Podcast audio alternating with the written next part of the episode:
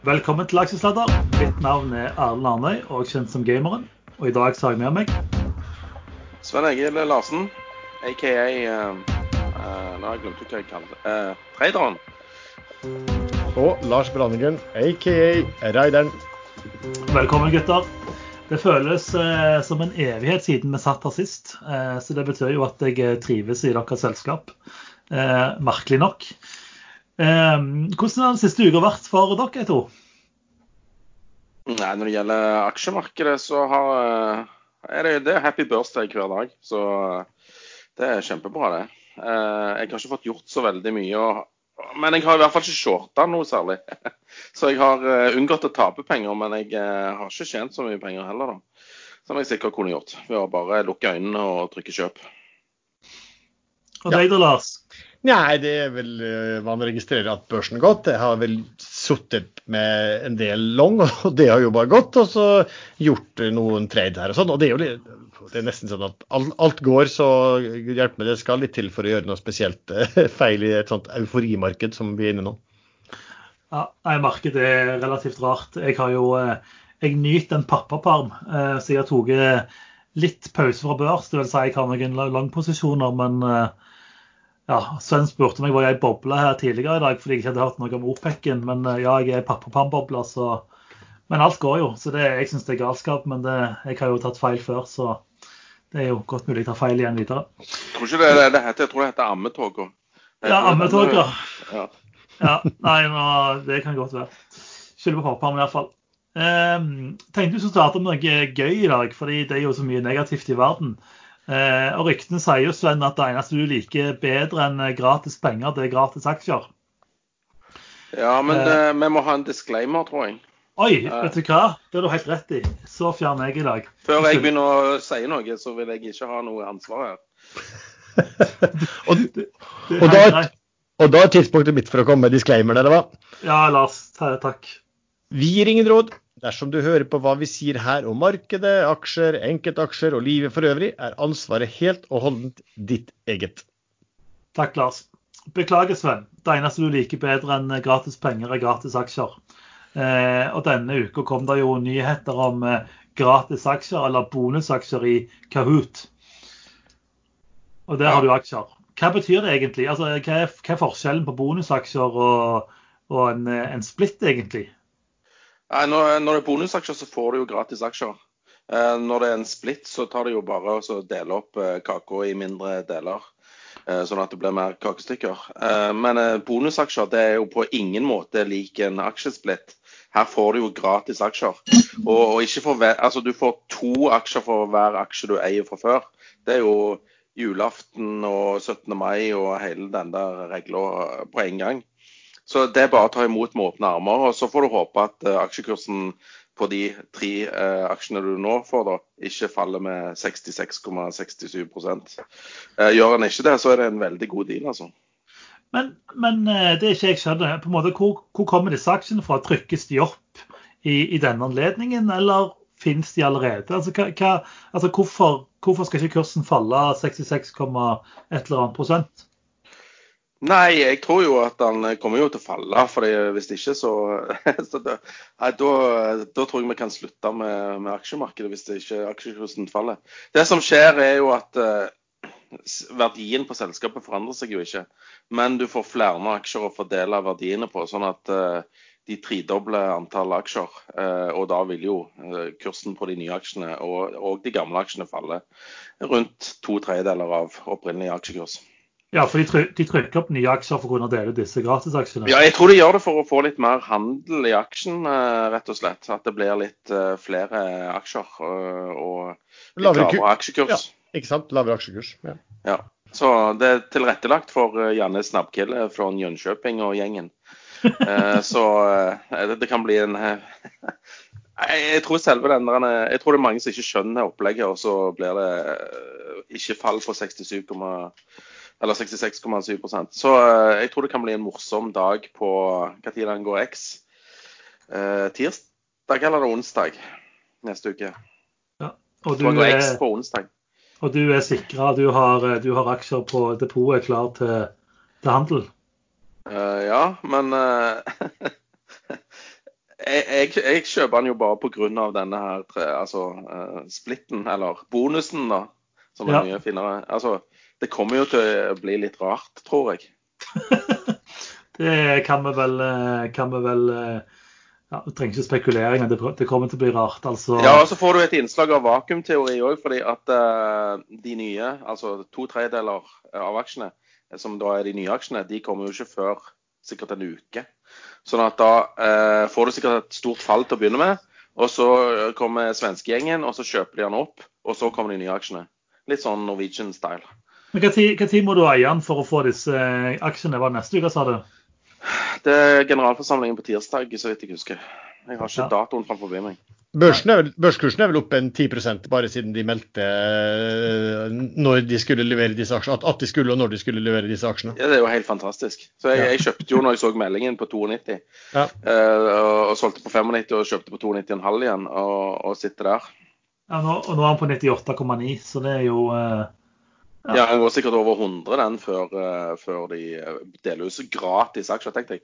Du, du har én aksje til 100 kroner, så får du to aksjer gratis. til Til Altså, 100 kroner! Ikke sant? Århundrets stil. ja. det, jeg, jeg, vet ikke, hva, jeg er veldig spent på hvordan den aksjen utvikler seg. Altså, når Jeg har og le, jeg leser jo mye, for jeg har jo mye tid til den her eh, lille banditten sover. Det, det, det, det, du skal ikke Å ja, oh, ja, når han sover, ja. Men du skal jo egentlig amme og gå tur og alt det der. Vet du hva, Jeg går så mye tur, for den dumme ungen, eh, snille ungen vil ikke sove. Så, men når, når hun endelig sover, så er det jo tid til å, å lese. Eh, og Det som slår meg, er jo at hvis vi tar Norwegian som eksempel, eh, så er jo logikken til mange som kjøper Norwegian at eh, den har kosta nesten 300 kroner.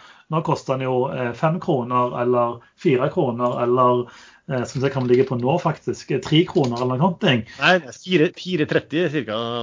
Kraft, kraftig opp i dag. 11 opp i dag. Så, ja, så, nå, så nå er den jo billig. Så liksom market cap virker jo å være et begrep som eh, mange ikke skjønner. Eh, så jeg, jeg er veldig spent på Kahoot. Jeg har ingenting Kahoot sjøl. Vurderer å kjøpe litt aksjer bare for å være med Sven og ha det gøy. Eh, så får vi se. Så neste, så neste uke cirka, kommer eh, X-dato, så kommer aksjen uka etterpå. For de som vil eh, være med og leke.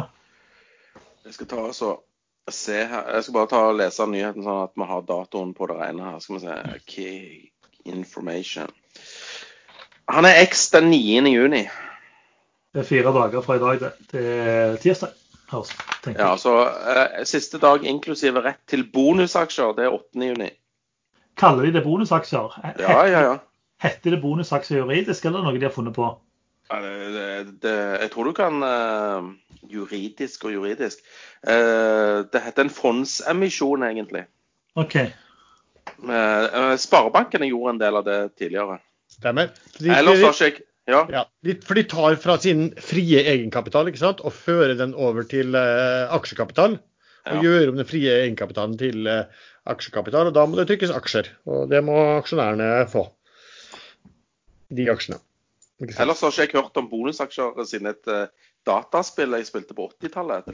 Eh, som var sånn eh, på en sånn Commodore 64. Og da kunne du plutselig få sånn bonusaksjer. Og det var alltid veldig, veldig bra i spillet, da. Ja, så det var derfor, det var derfor du reagerte, reagerte, så kjapt? Jeg kjøpte med en sånn gang. Jeg, jeg, jeg på kjøp med en gang. Dette husker jeg, faen. Dette var jo 1984, liksom. All over again.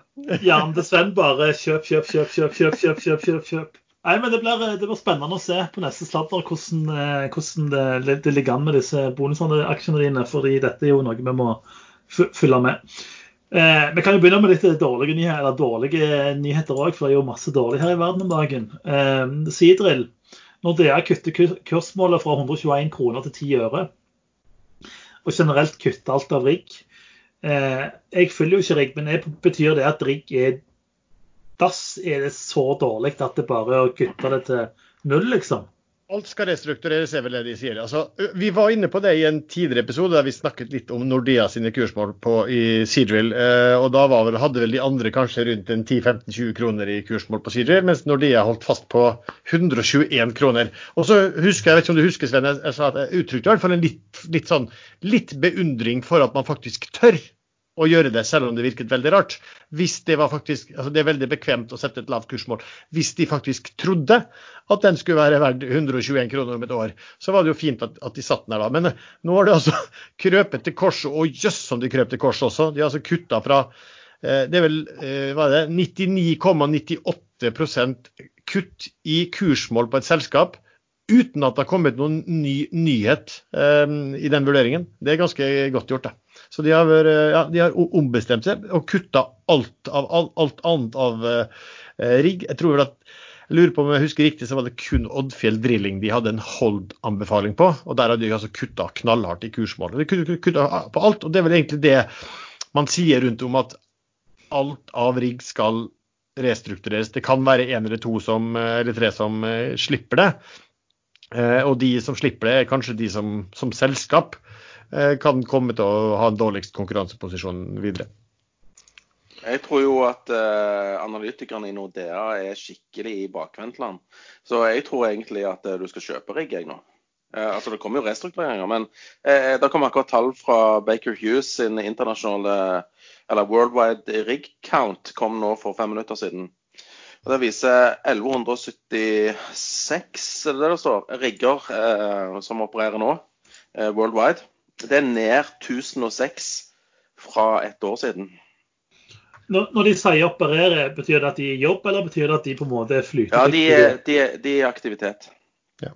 Jeg kan nevne, Apropos rigg, så hadde jeg litt, eh, litt uh, Det ble en morsom trade. Uh, for jeg har holdt meg unna Bård Drilling, har jeg holdt meg hardt unna på.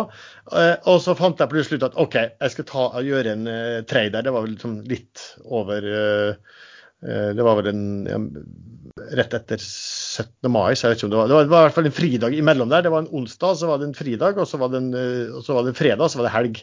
Og, så er man jo redd for at det skal komme restrukturering i sånne selskap, men jeg så for meg at Janne Snabbkille og flere kunne komme til å dra den aksjen der. Det, det kom litt sånn god, smågode nyheter fra dem eh, tilsynelatende, som skulle tyde på at da de hadde inngått avtale med alle kreditorene og bla, bla, bla.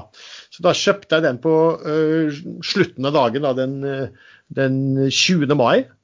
Uh, og så går det da så fint, gode nyheter. Her kommer en, og det, kommer, det virket ikke som de skulle tenkte jeg skulle ha emisjon med det første, ut fra det man kunne lese. og Uansett så var det liksom en onsdag, det var, jeg tror det var Kristi himmelfartdagen etterpå, i hvert fall en fridag, og så var det en fredag. Så jeg rekker jo å komme meg ut igjen på, på, på fredag.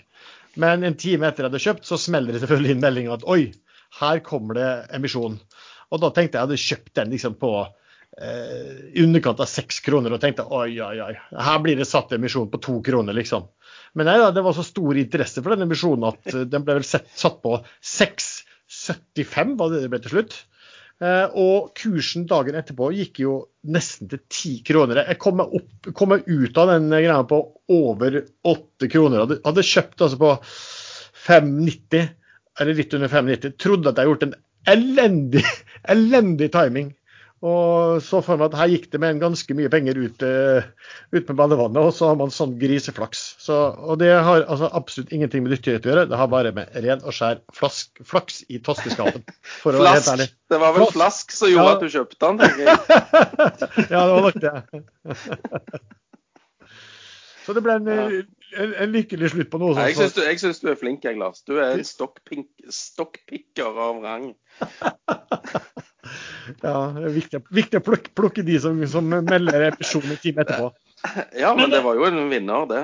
Det ble jo men, det. men bare, Har de henta nok penger til å overleve krisen, eller er det bare sånn uh, fylle på før det går tomt igjen? Uh, det, de har henta nok penger til å gå i dvale i to år. Det er vel det du kan si.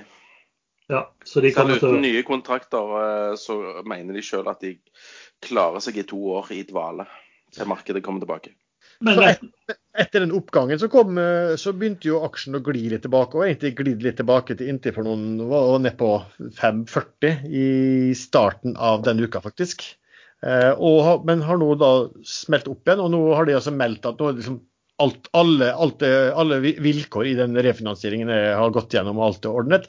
Så kursen er jo opp 25 i dag. så den, ja, den var jo oppe i nesten 9 kroner i dag, men er oppe på 7,60 nå. Dagens, eh, dagens børsvinner.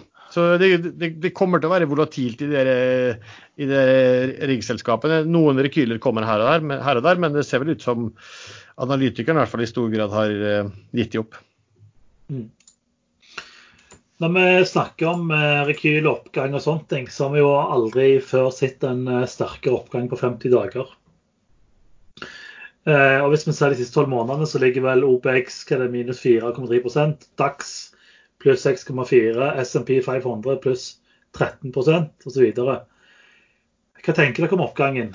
Er det galskap satt i system, eller eh, er det fundamentalt veldig positivt, alt som, eh, alt som skjer i verden framover? Jeg minner om, minner om eh, oppgangen som skjedde i forkant av handelsavtalen mellom USA og Kina. Eh, hele tiden kom det signaler. Eh, ja, nå er det rett før, og nå er det rett før. Og markedet bare steig og steig. Eh, og det varte og det rakk, og da kom jo den, eh, den avtalen, og, og, markedet bare gikk eh, videre. det som skjer nå, nå går det på forventning om at økonomien skal gjenåpnes og ting skal tilbake til normalen. Så hele tiden ser du signaler på nå åpner det opp, og nå åpner ditt, og nå åpner datt. Så jeg føler det er litt samme, samme typen oppgang. Mm. Det er jo det som du sier, det kommer hele tiden meldinger om at man åpner opp, og at uh, smitten Det kommer gode nyheter om, om, om eh, viruset sånn sett. At man uh, det går fort fram med vaksine. Man har mange, uh, mange, mange, ting under testing som også kan behandle det. Eh, før man får vaksine. Eh, og så begynner man å se opp at her kommer ting tilbake. Og så har vi da Tina. ikke sant? Altså, Renten er satt ned så enormt at uh, the, Tina there is no alternative gjelder. Så har vi fått inn masse tror jeg, retailere som har kommet inn faktisk på et gode tidspunkt, og så ser at dette her går bare opp og opp og opp, opp kjører på. Og så kommer jo den store amerikanske sentralbankens balanse. Jeg la ut en sånn uh, på den gruppen vi hadde som heter Børsforum, så la jeg ut en eh, graf som viste den amerikanske sentralbankens balanse. Den er også balansen, altså Det er jo egentlig som viser hvor mye penger de har trykket, hvis du gjør det litt enkelt. Opp 60 siden eh, tidlig mars. Og det, altså Balansen til sentralbanken i USA er opp over 700 siden før finanskrisen.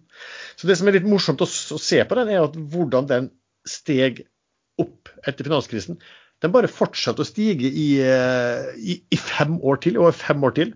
Så hadde de noen år hvor den var flat, og så skulle de begynne å kutte ned på balansen ikke sant? og trekke inn den, all den stimulien eller alle de pengene som de hadde lagt ut. Og det som var litt interessant at Med en gang amerikanske sentralbanken sin, begynte å redusere sin balanse, så stupte aksjemarkedet. Da måtte de stoppe med det og begynne å øke balansen igjen. Og så kom jo dette her, da, hvor det har altså, smelt til noe så vanvittig. Så det, det er en helt enorm pengetrykking og en helt enorm stimulanse da, som, som gjør at eh, ja, verdipapirmarkedene suser oppover. Jeg sammenligner den eh, pengetrykkingen med, med smertestillende. Jeg, jeg, føler markedet går på smertestillende, men vi har fortsatt ikke ordna sykdommen som ligger til grunn for at det, eh, gjør vondt når du tar bort smertestillende. Nei, for Sven, for du hadde jo, Sven, eh, når vi hadde den eh, innspillingen i januar, hvor vi hadde, tok opp, alle tok opp en hver sin potensiell Black Swan, så hadde jo du eh, enorme gjeldsproblemer som Black Swan. Og det er, jo, det er jo faktisk sånn at den hadde slått inn hvis ikke sentralbanken hadde smelt så hardt til. Men ikke sant? Da, da hadde jo den vært, vært soleklart i boksen òg. Ja, men den kommer. Men uh, det som skjer, er jo at Fed hjelper å holde gjeldsmarkedet i, i gang. da. Uh, og når de ikke klarer det lenger, så vil du få litt uh, problemer. Så de, de, de, kan egentlig ikke slutte å trykke penger. Nei, men jeg syns det blir litt rart. altså De kjører så voldsomt at det skal liksom være nullrente for bedrifter. Altså, det var vel Amazon her som henta penger på var det fem år til 0,3% rente, f.eks det er jo, liksom, det er jo liksom ingenting. Og, og, og, det har vel normalisert seg alltid det, det meste i, i, i, gjeldsmarkedet også. Så finner da masse penger veien over til eh, eh, egenkapitalmarkedet også. Så da får du en sånn ja, Don't fight the Fed. Den har virkelig eh, gjaldt. Det gjelder virkelig denne gangen også. Ja men, ja. ja, ja. men, hvis du ser på til og med boligmarkedet i Norge har jo begynt å gå oppover nå pga. at eh, rentene er eh, forventa å være lave i, lang, lang tid. Og da, ja. da, stimer jo folk til å, kjøpe eiendom og hytter og hus. og Det er jo en fin eh, bivirkning eh, av dette her. Mm. Ja, ja, Eiendomsmarkedet i Norge stiger, vel- stiger vel ikke hele landet, det er vel helst Oslo som drar, vel ikke det? Ja, Til og med Stavanger det steg 1,8 her eh, på en måned. Det er jo helt sykt. Det fatter jeg, jeg fatter ikke hvordan det går, fordi eh, jeg sitter og følger med på et boliger på Finn i Sandsvangen. Og der kommer mer boliger, og de ligger lenger og lengre, men gode objekter går fort. Men uh, tydeligvis tar jeg feil. Men uh, ja, jeg syns det er galskap. Men uh, det som er teorien, da, er at så lenge balansen til Fed, øker, så fortsetter moroa. Og så fort Fed begynner å, å skru igjen kranen, så bør man passe på. Det er vel det som har vært ganske gjengs oppfatning også. Men så, så er det jo det at Og det her er jo liksom Ja, hvis, snakker man kanskje på lang tid, men man kan faktisk ikke bare trykke penger hele tiden. For som jeg har gjentatt flere ganger her, hvis det var slik at det ikke finnes noe smertepunkt, så er det, altså hadde det ikke vært noen grunn til at noen av oss skulle betalt en krone i skatt. Ikke sant? For da kunne, for da kunne bare staten gått med underskudd. Og, og, og staten da brukt, fått nytrykkede penger fra sentralbanken eh, til å ha sånt underskudd. Ikke sant? Det, det er jo det som faktisk skjer eh, rundt omkring. Men et eller annet smertepunkt må det alltid være. Eh, og, om det da, og hvis det fortsetter på den måten her, og, og, jeg tror at det kommer til å fortsette, for det, har jo vist at den gangen de prøvde litt å slanke, bare litt, så, så ble det smerteskrik med en gang. Eh, så dette kommer vel sikkert til å fortsette til det en gang sier eh, pang.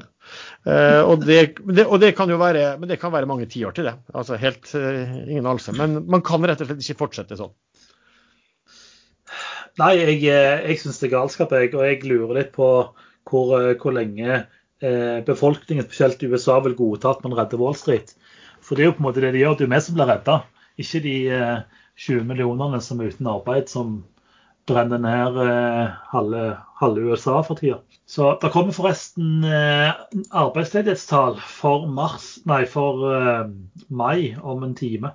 De tallene har kommet og gått eh, før eh, lytterne får eh, hørt episoden.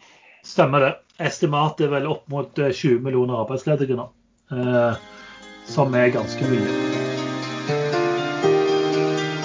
Dagens sponsor er IG.com.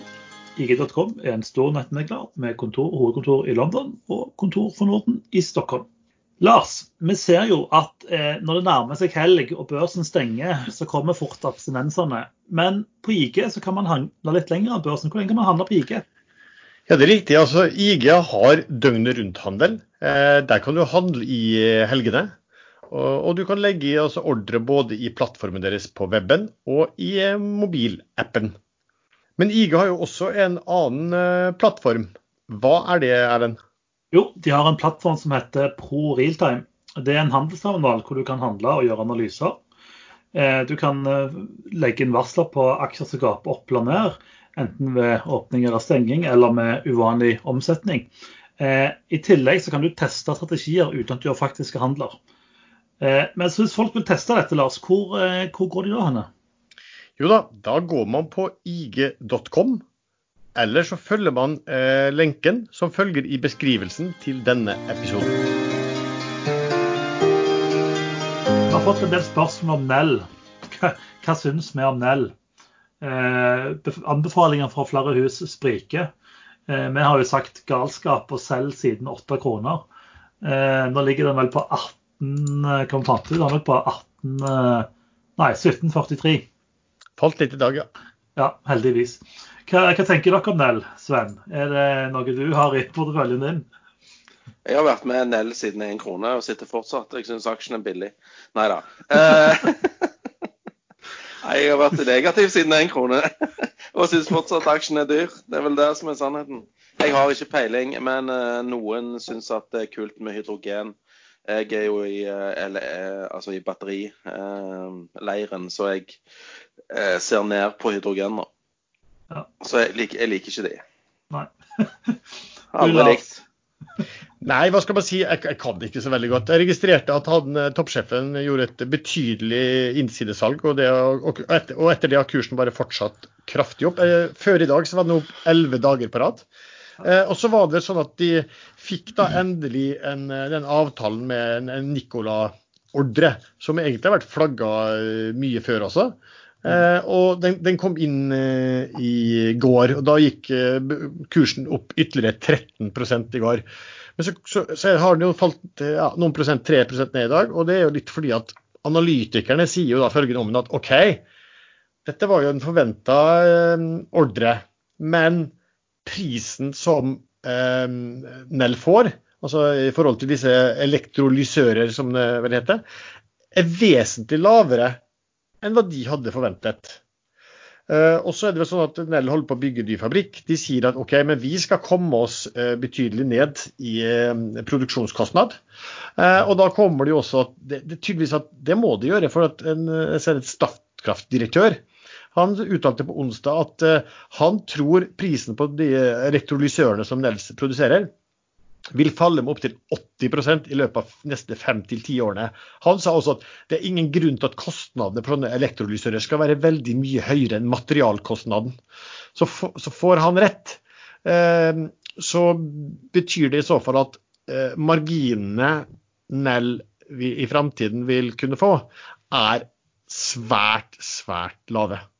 Uh, og, og, og, og, de begynner liksom å, å sammenligne kanskje med liksom, hvordan REC var i forhold til Sol også, hvor folk trodde at dette skulle man ha kjempemargin på, og så viste det seg at det ble liksom nesten nullmargin. Og, det, det, kanskje det det falt av, at DNB har vært ute og, sagt dette her, at, at uh, her kommer prisen til å komme ned. Uh, de får ikke de marginene som folk drømmer om, og de har sagt salgsanbefaling med kursmål 5, og Pareto har sagt noe av det samme Eh, med kursmål 6. Men jeg vet at sånn som Sparebanken 1 de har markeds, de har vel kursmål på 20 på den. Så det er enorme sprik. Og, og sånn blir det jo i forventningscase, da. Jeg skulle egentlig si det du sa med REC der, at uh, ut ifra det du sier, så minner dette veldig om en case vår tidligere, nemlig REC, hvor uh, beleggne kineserne kommer bare bomber markedet med, med billige, ja, billige varer som, uh, som knakk de. Ja da, men men det, du kan si da, er jo litt sånn som Sven sier også, at det er mange, altså alle vi som kanskje sitter, sitter og regner på ting i dag eh, i Nell, har vel, altså, har vel, vært the suckers, ikke sant, som ikke har vært med på, eh, på originell ri Nell fra 3 kroner til 18. Eh, eh, fordi her er det mange som ser at, at her, dette, dette området kommer. og så Eh, er kanskje ikke så mye annet å investere i, eller, i dette området. Det er jo liksom miljø og ESG og hele den biten her i tillegg, og, og litt hype. og Det har ikke kommet noe sannhetens øyeblikk når de skal tjene penger. Så, og da blir det veldig vanskelig å sette verdier, da, rett og slett. Jeg tror Også, det der Nicola-greien òg bare er en sånn luftspeiling. Jeg tror egentlig det er tull og tøys. Ja, jeg tror de rir godt på hype. Altså Nå vil jo alle si at har dere negative, for dere kommer nok aldri inn. Men eh, ja, eh, jeg vet ikke. Nei, det er jo på en måte, EU har jo noen initiativer i forhold til hydrogen da, som sikkert kommer til å dra Nell videre. Men uh, hva med framtid? Jeg, jeg, jeg, er jo negativ fordi driten eksploderer jo hele tida. Ja. ja. Altså, det, det, har du jo gjort siden Hindenburg. Levde du da? Nei, det var, det var Erlend som ikke er her i dag. Erlend var jo med, Erlend var jo blant de overlevende, ja. så han har jo en del å fortelle. Riktig, han hang i en sånn tråd etter den. Ja. ja, men, men, Var det før eller etter han tok denne overfarten med det der Titanic? Ja, dette var på vei tilbake igjen, faktisk. Nei, jeg tror jeg gikk samme veien. Den gikk jo fra Berlin til New York. OK, ja, kanskje. Ja, Det var, det var mye seinere, for dette var vel uh, under Hitler-tiden. Ja, nei, jeg vet ikke, men uh, vi får spørre han tilbake. Men jeg, jeg tenker iallfall at uh, market cap på 24 milliarder for Nell er vel eh, noe stivt i forhold til inntekter og umiddelbare framtidige inntekter. Men eh, jeg tar jo feil når jeg ikke sitter i en aksje. Kan du, ikke, bare, kan du ikke bare la de kose seg? Altså, tenker... de, de, altså, Én krone tjent i Nell er like bra som én krone tjent i Statoil eller Det er helt sant. Det er helt sant. Bare ikke gir for mye og går på en smell, så går det bra. Sven, indeks har du skrevet at du vil prate om i, i skjemaet mitt. Ja, OK. Ja, nei, vi har nettopp hatt uh, hovedindeksgreier, og nå kommer OBX, endringer i OBX-en. Og uh, skal vi se, hvis jeg bare finner dette regnearket så Skal jeg sende, sende det til deg? Har, nei, jeg sitter og ser på det nå. Her har vi kontrollen. Uh, mine gode venner i Pareto Securities har da brukt uh, kunstig intelligens uh, i mangel av vanlig intelligens for å regne seg fram til nye aksjer i OBX-indeksen fra eh, juli. Og Det de tror, det er at eh, SSO eh, Hva er det, det er nå igjen? Det er de der solgreiene. Solar. Scatec Solar og Entra Eiendom er de som kommer til å gå inn. Og så tror de at eh, BV Offshore og Golden Ocean kommer til å gå ut. Så hvis dere har lyst til å, å, å gamble på det, så er det å kjøpe de to første og selge de to siste. Eh, Forventa annonsering er vel i begynnelsen av neste uke. Når skjer endringen ifra? Det pleier å være rundt uh, slutten av uh, juni eller helt til begynnelsen av uh, eh, juli. Og når pleier fond å vekte om for de som følger med? Fra, fra det blir annonsert og fram til og med det, in inkluderingen. Ja. Så, men eh, det var bare et lite spark til de i Pareto, da. Så i og med at eh, jeg sa de hadde brukt kunstig intelligens for å finne fram til dette. ja. For du, du brukte vanlig intelligens for å finne fram til det? Nei, jeg bare refererer det de har skrevet. jeg. Jeg har ikke brukt noen intelligens på dette. Ja, Du har jo klart å åpne regnearket mitt og legge det inn, da. Ja, det er sant. Ja. du fikk hjelp. Du fikk hjelp. Ring, ringte en venn. Eh, en annen aksje som har gått inn i indeksen, som vi har prata litt om, er jo Bouvet. Eh, Ja, Det var jammen en bra short-anbefaling du hadde der. Fy satan. Skal du liksom eh, definere en short-squeeze, så kan du bare se på Bouvet-kurven. den, eh, men det, det som er interessant med denne Bouvet, da eh, Nå liker ikke jeg å snakke om IT-aksjer siden jeg jobber i bransjen sjøl. Eh, Ja, derfor burde jo du hatt peiling på dette.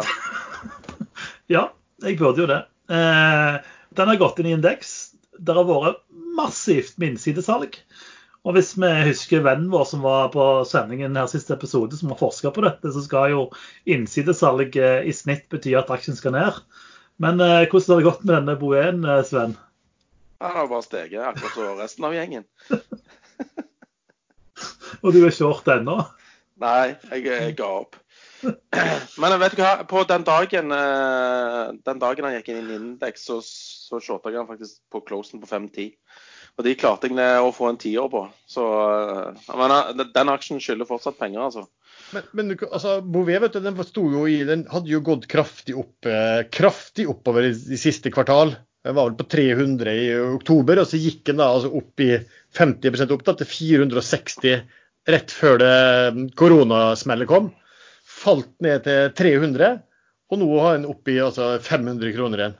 Og samtidig så, så det, det er litt forunderlig, for at det sånn, man, vi påpekte jo at her kunne komme svakheter. Hvis du så første kvartalsrapporten deres, så var jo den eh, sterk. Eh, som forventet. Men de skrev jo en del ting i den rapporten også som tydet på at eh, det var ikke akkurat sånn at andre kvartal kom til å bli like sterk. Eh, så blir de tatt inn i indeksen, og kursen bare går og går og går rett opp. Og så er det da ganske betydelige salg altså fra, eh, fra innsiden her, da, men uh, ingenting biter.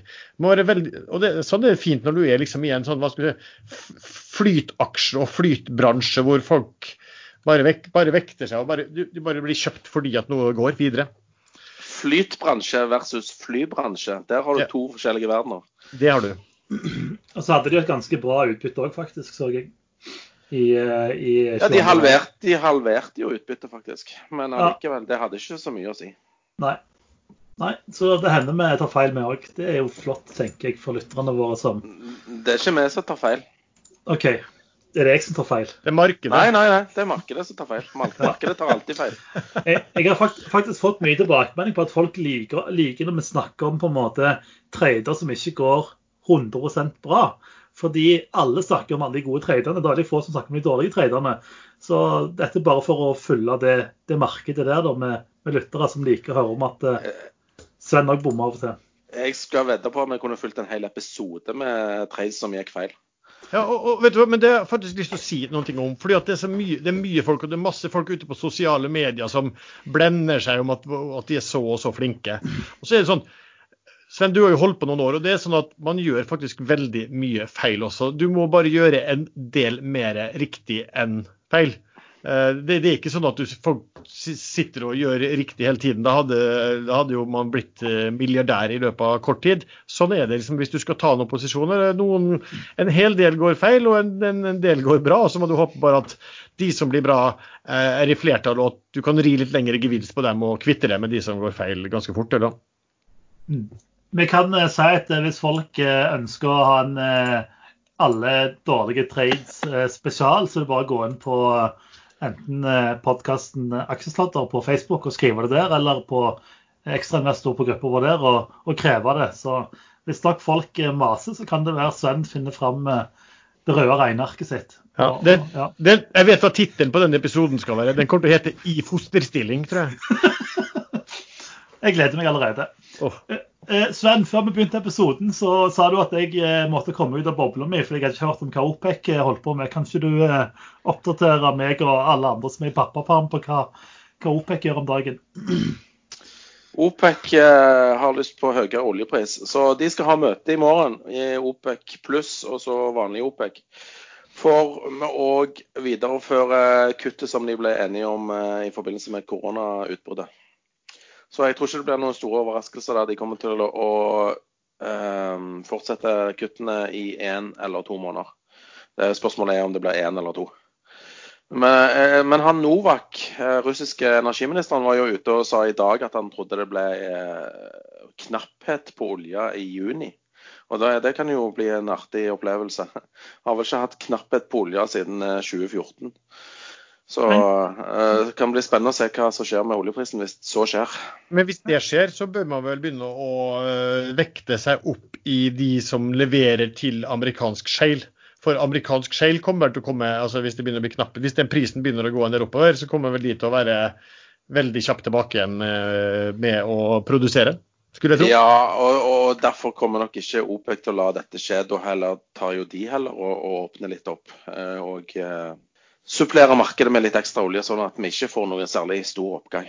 Mm. Russland er vel fornøyd med en pris litt over 40, de, det, men det er vel neppe de andre. Men hvorfor skulle det komme knapphet? Altså, Jeg trodde det var tankbåter fulle av olje herfra til Shanghai. skal jeg si. Nei, jeg tror de har fått tømt seg i Kina. Så eh, jeg tror Kina har kjøpt veldig mye olje den siste tiden. Eh, og det kommer statistikk for det faktisk på søndag. Da får vi se hvor mye de har importert i løpet av mai. Ja, Så man tror egentlig at Kina har utnytta billig gratis olje for alt det er verdt? Ja. ja.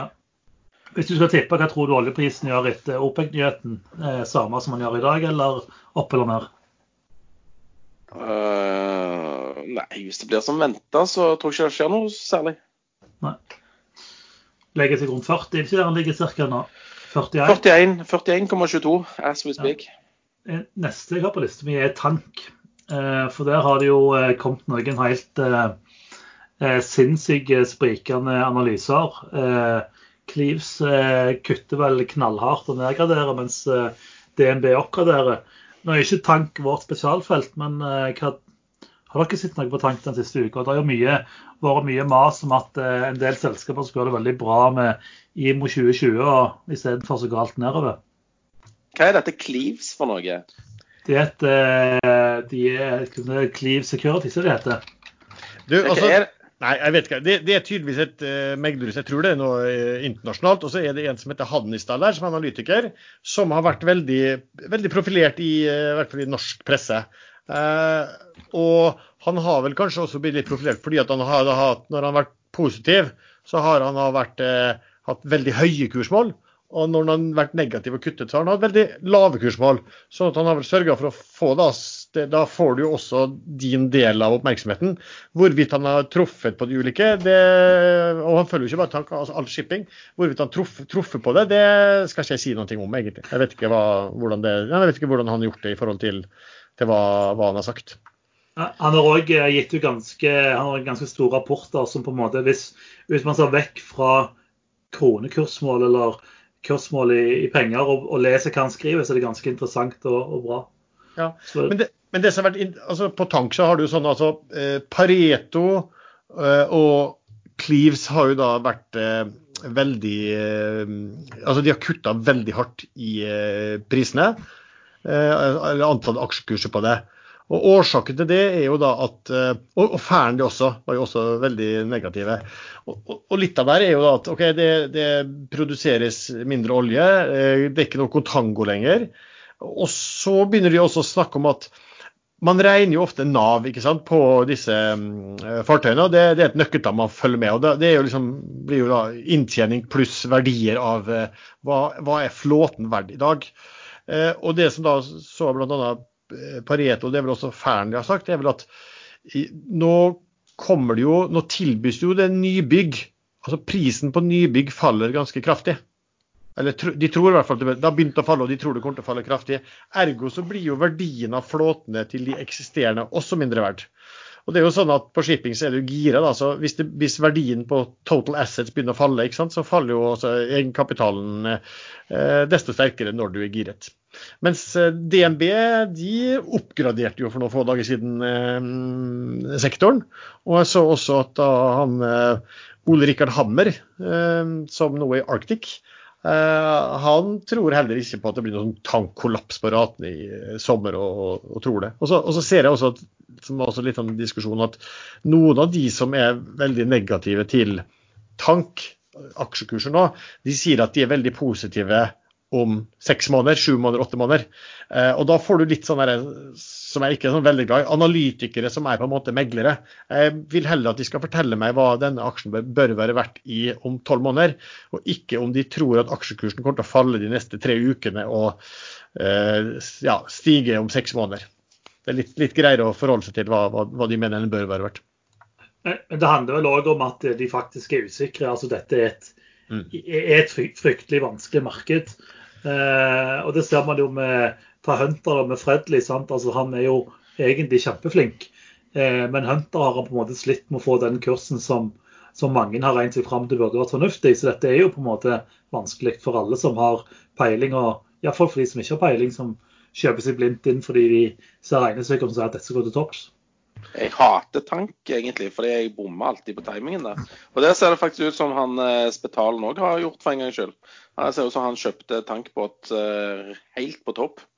Ja. Uh, ja. Plukka ikke han opp et, et nybygg på var det 106 eller 180 og putta inn i en SD, SD standard drilling? Jo, 30, eller en tredjedel av det skipet tror jeg ble på ja. den. Men det er vel absolutt høyeste som er betalt nå, tror jeg. De har begynt å, å snakke om at nybygg på, på, på 80-tallet. Ja, ja.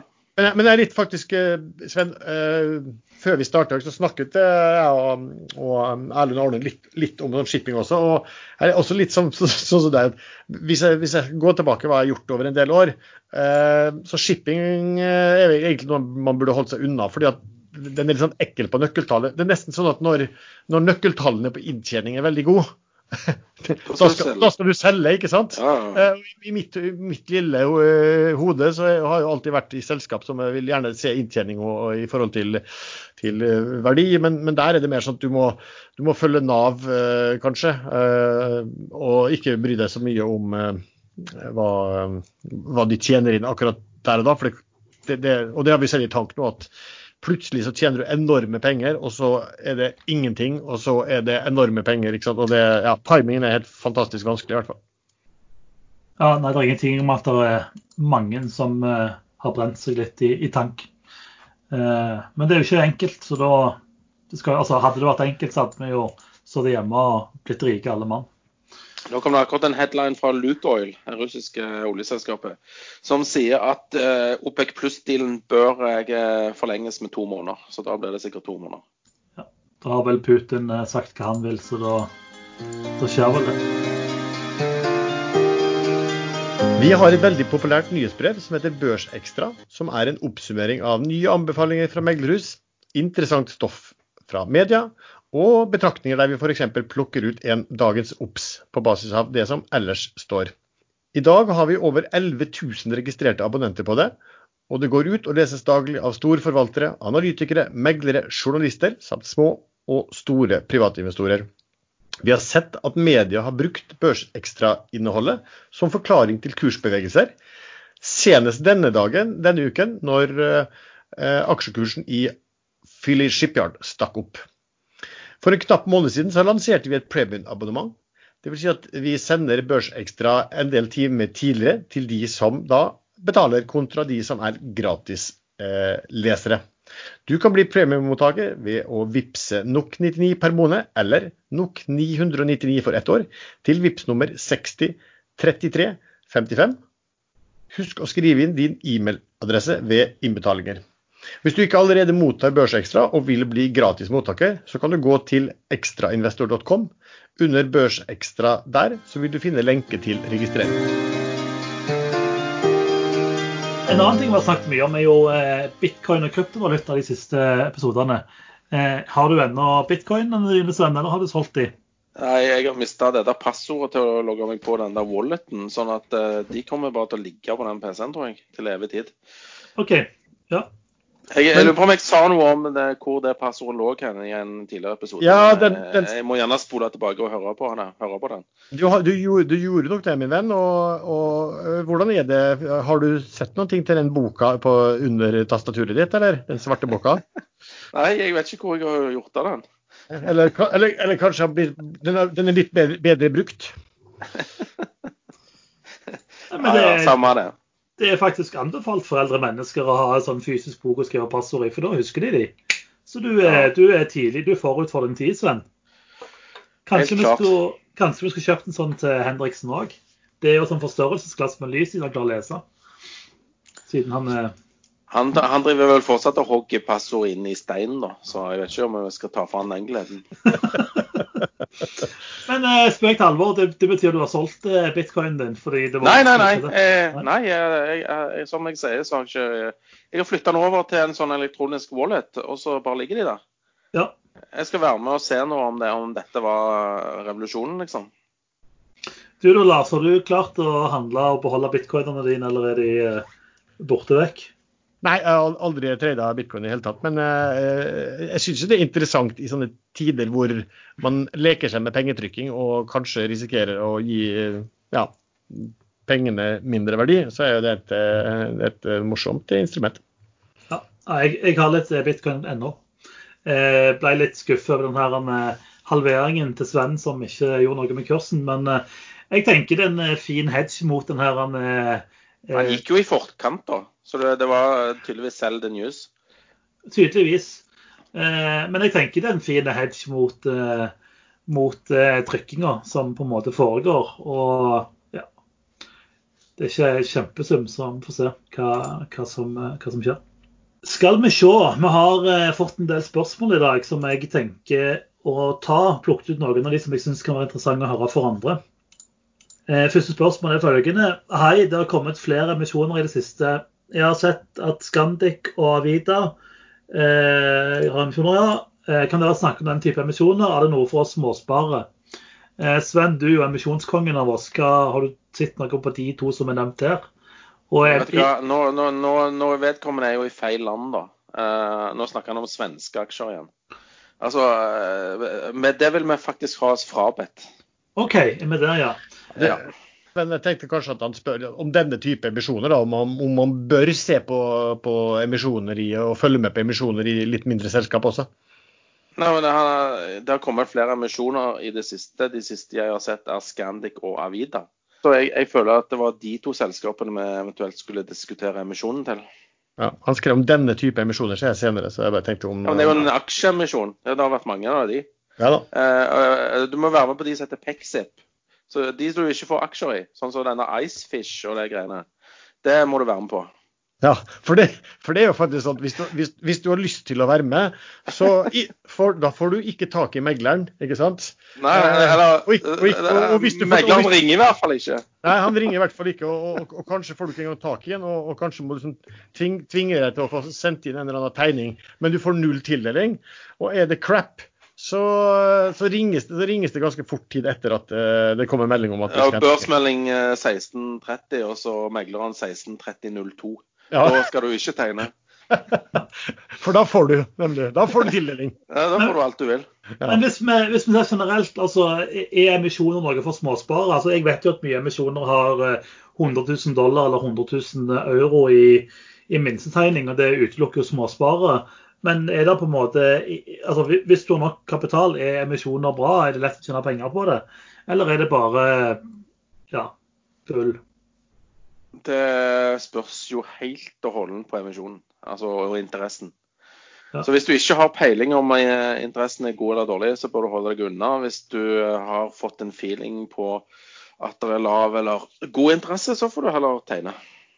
Ja. Jeg vil si at i hvert fall se litt på hva det er, for om ikke annet så, så lærer du litt eh, om hva selskapet er, for noen ting, i tilfelle det kommer en eh, sjanse senere. Men prising i emisjoner det er ikke så veldig viktig. Det, det som er viktig, er om det er interesse for, eh, for han eller ikke. Så, så, Eller jo, graden av interesse. så jo mer megleren ringer til deg, det er et faresignal, er det det du sier? Ja, det er egentlig det, altså. Fordi eh, sånn som Pexip, eh, som det var veldig stor interesse for, der, der ble jeg ikke akkurat nedringt altså, om, å, om å tegne. Der måtte jeg faktisk eh, fylle ut papirer sjøl og, og sende inn. Ja. Og så er det jo en del sånn triks da, som av og til at meglerhusen har før emisjonen snakket om at dette selskapet bør være en en range så og så. Og så blir det da, eh, som ofte er helt ellevilt eh, høyt, og så setter de liksom Men så setter de da emisjonskursen godt under den rangen, da. Nærmest som om, om, at, å fremstille som at her eh, kan man jo gjøre en veldig god deal. Det er en del, sånn, det er, det er en del eh, det er en del sånne hva skal si, brukt, bruktbilselgertriks da, som, som skjer når man skal selge en emisjon. Jo, men når, når de går ned i range, så pleier ikke aksjen å, å, åpne over eh, emisjonskurs. Nei, nei, nei, ikke sant. Det, Det er heller når det er motsatt, når de Ja, ja. går opp i range. Korrekt. For det, det, er jo, det er jo bare et tegn på eh, interessen. eh, Og hvordan, de har sett, ja, hvordan folk ser på, på prissettingen. Så kan jeg si en annen ting også. at Børsselskap melder ofte at, eh, de, at eh, emisjonene deres har blitt veldig overtegnet. Og gjerne når det er bookbuilding. Mange tror da at Si at et selskap henter inn penger på 50 kroner eh, etter en bookbuilding, og så, så melder selskapet at det var fem ganger overtegnet. Så tror kanskje folk at oi, her var det fem ganger så mange, eh, mye, eh, mye etterspørsel etter aksjer på 50 kroner. Men det er altså ikke riktig. Fordi at hvis, hvis eh, Der regner de inn de som har satt altså har tegna seg i boka på 10 kroner og 20 kroner og 30 kroner og 40 kroner. Det er, det er en grunn til at prisen endte opp på 50. at Det var det de som, det er de som ville betale mest eh, for det volumet. Så veldig ofte så prøver man å skape sånn interesse at her var det veldig, veldig mange som ville ha disse aksjene. Men eh, det var ikke så veldig mange som ville ha de til eh, den kursen som ble valgt. da. Så det kan passe på. Er er det dette som kalles accelerated bookbuilding? For det er jo et ord som ofte kommer når de har emisjon. Eller er det Ja. noe annet igjen? Nei, altså når du har bookbuilding, så bygger du en bok. Da, da eh, indikerer du da din interesse. Altså Det er en auksjon, rett og slett. eh, på en måte. Altså, så prøver selvfølgelig tilretteleggende selskap og styrere og har kanskje snakket litt med sånn cornerstone-investorer i forkant, så de kan begynne å forankre en pris eh, litt tidlig.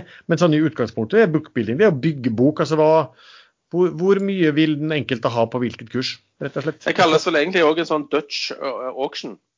Eh, og så finnes det noe som heter en reversed eh, Dutch eh, auction. Det er liksom når selskapet f.eks. Uh, kjøper tilbake aksjer. Da, da, da blir det liksom hvor eh, lavt er du villig til å selge. Er en selskapet. revers Dutch auction. Sånn som eh, Sandnes Sparebank gjorde når du kjøpte aksjer der og ikke Eller grunnfondsbevis ikke fikk det du ville ha for dem. Eh, riktig. Det var en Ja. revers eh, Dutch auction. Ikke sant. Og Treasure, altså det selskapet Wilhelmsen-selskapet, de kjøpte jo også tilbake nylig aksjer også. De gjorde også det at de sa at vi betaler maks så og så høyt, men har en bookbuilding på. Og da ble det, det ble jo da en reverse Dutch auction. Eh, vi har fått eh, spørsmål om eh, hvordan krisen i USA kan påvirke børsene. Eh, jeg tenker hvilken krise, da, for det er så mange å ta av. Eh, så jeg tenkte å omdefinere spørsmålet. Hvordan tror dere børsene og markedet går for eh, framover? Hva er, er, faresignalene å se etter? Uh, jeg, starter med Sven. jeg har uh, i dag, fredag den 13. Er det ikke fredag den 13. i dag? Neste uke. da. Ja. Da, da er det 12., faktisk. Ja, men jeg føler I dag er det fredag den 13. Men uh, uansett, da. Jeg har tenkt også å, å, å gå faktisk litt imot markedet mot close i dag. Eh, altså close i Norge. Eh, fordi at det er meldt én million eh, prot, holdt på å si protestanter det ble feil. Men i Washington så er det meldt ankomst av én million mennesker som skal protestere mot denne her politivolden nå i helga. Så jeg tror det kan bli litt mye bråk rundt forbi. Så, så, spørs det liksom hvor lenge det, det, har egentlig ikke så veldig mye å si for økonomien. For de gjør det jo dette på fritida si, tydeligvis. Men de ødelegger jo en del materielle ting da, og, og skaper dårlig stemning. Eh, men rent sånn eh, makroøkonomisk så tror jeg ikke har så veldig stor betydning. Nei, ødeleggelse vet du, det kan jo fort være bra for Ja, det, det er bull, det. Det er akkurat som krig er bull for økonomien. Korrekt, da må det bygges opp igjen og gjøre en del ja. ting. Ja, så Jeg tror ikke det betyr så veldig mye, men eh, det, det skaper litt sånn jeg, jeg, tror det kan bli litt sånn ullent. Det er vel vi, det, det, var jo min black swan for, eh, som vi hadde i, eh, i, januar, var jo at det skulle bli ende opp med slåsskamp, nesten borgerkrigstilstander i USA etter valget, mellom fordi at befolkningen var så splittet. Eh, og så er det jo noen som har spurt om liksom, er det her noe som kan indikere det. Og det er jo, altså, Når jeg kalte det en black swan, eh, så er det jo fordi at det er på mange måter høyst usannsynlig. Eh, så kan du kanskje si at det som skjer nå, gjør at det blir litt mer uh, sannsynlig. fordi at Trump er jo ute, og, og, og, da har det ikke, har ikke vært altså, rasekrig, da, for å si det. Det er ikke det jeg tenkte på. Det var mer i forhold til at etter valget at den ene parten ville påstå at den andre hadde jukset. Og Trump har jo allerede vært ute og begynt å indikere at her kommer de andre til å jukse, og at det er ingen grunn. og Det var helt uforståelig hvis han skulle tape og meningsmålingene bare juks og alt der.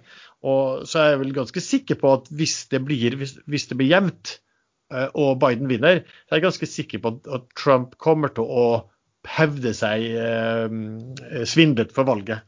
Eh, og da spørs det jo da hva hans eh, lett sånne rabiate, våpenbærende tilhengere kan, eh, kan finne på.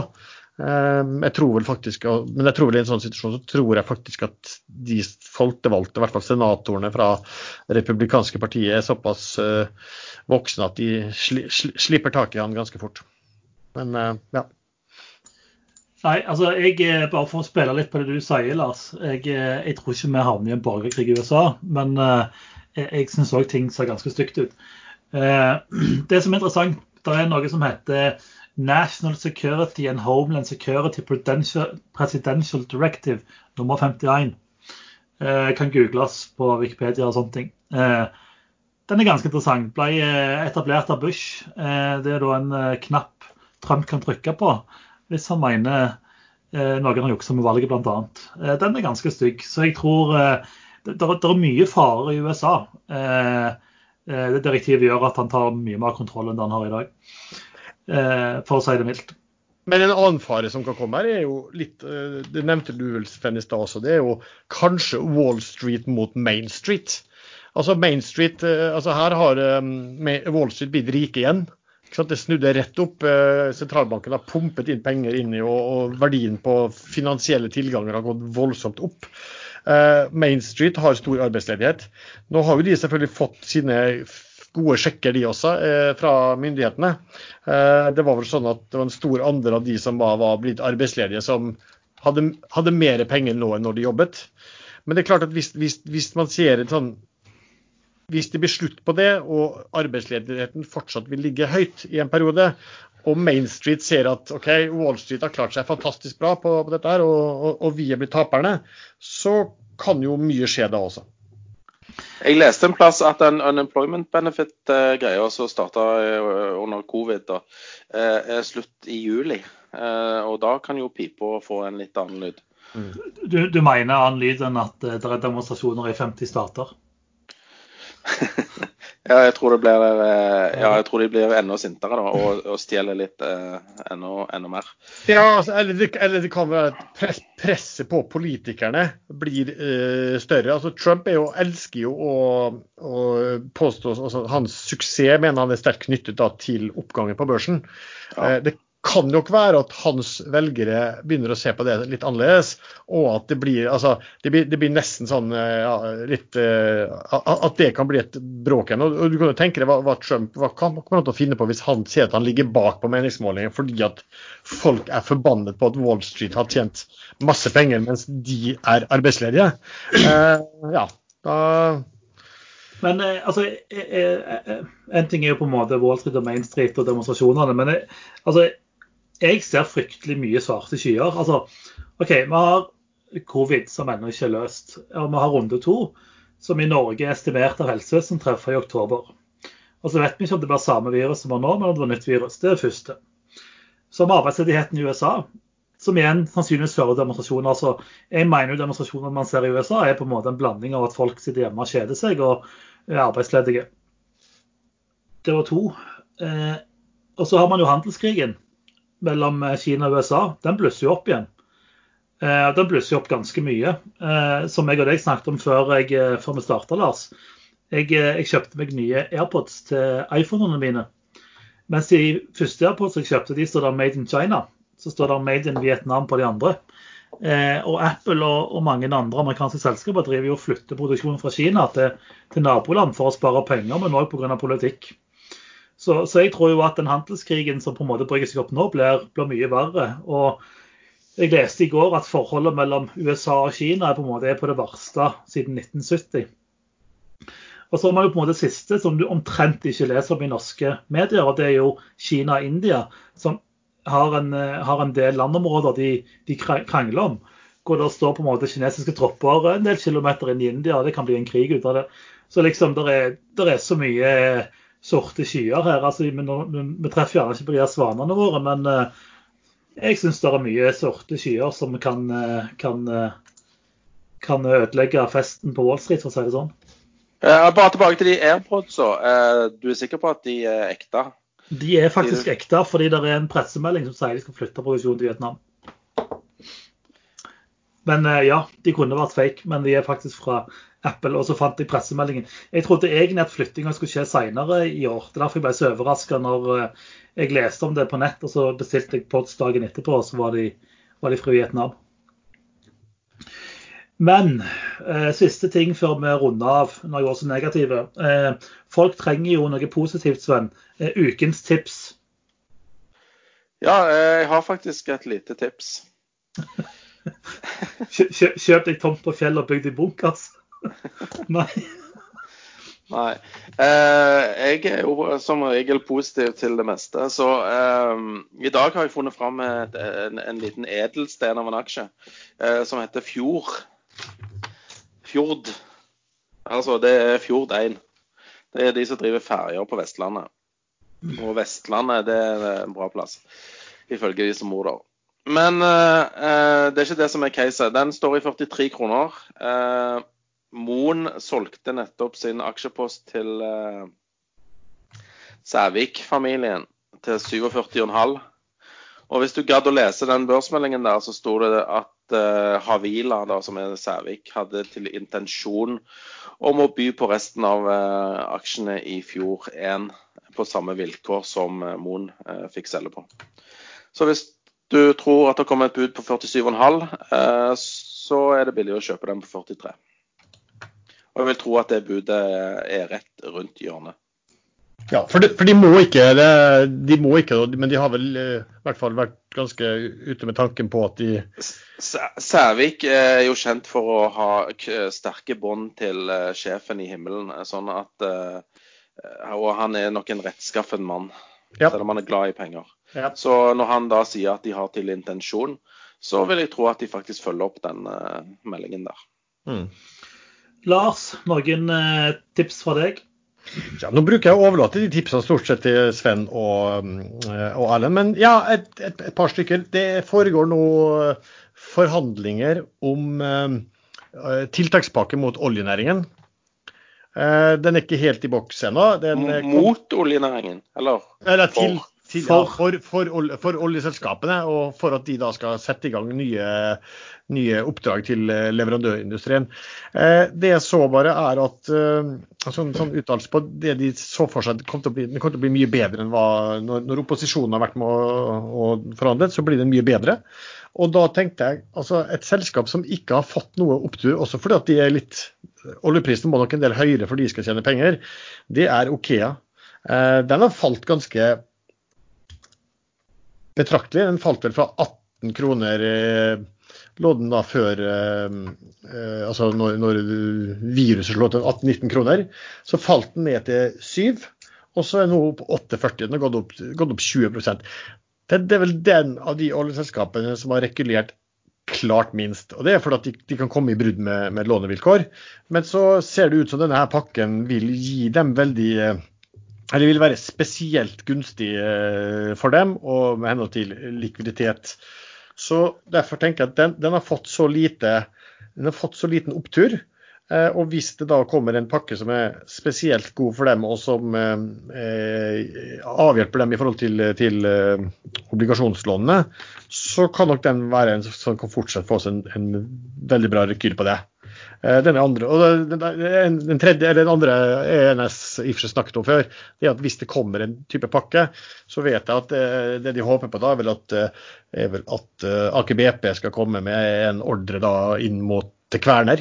sånn sett, og Kverner har jeg anbefalt før, den har gått opp, men har egentlig vært en dog, for den har ikke gått i nærheten av hva markedet ellers har gått. Mens sånn som Aker Solution, som er sammenlignbar, har gått ganske mye.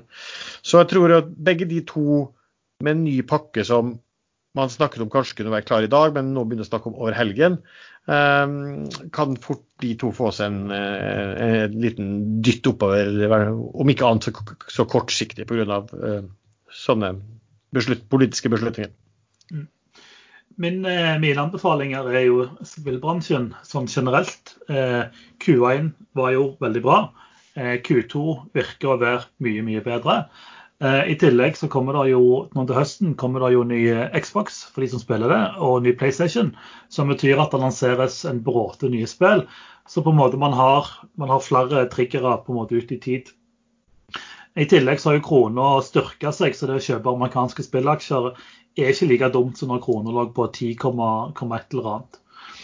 Eh, så generelt spillbransje. Ellers er det jo Bergen Bio, som vi har pratet om tidligere. Den har jo seget litt tilbake ned mot emisjonskurs. 25.6 eh, kommer det oppdatering på kreftstudien, som er det de egentlig holder på med. Altså ikke covid-studien som britene har dratt dem med på.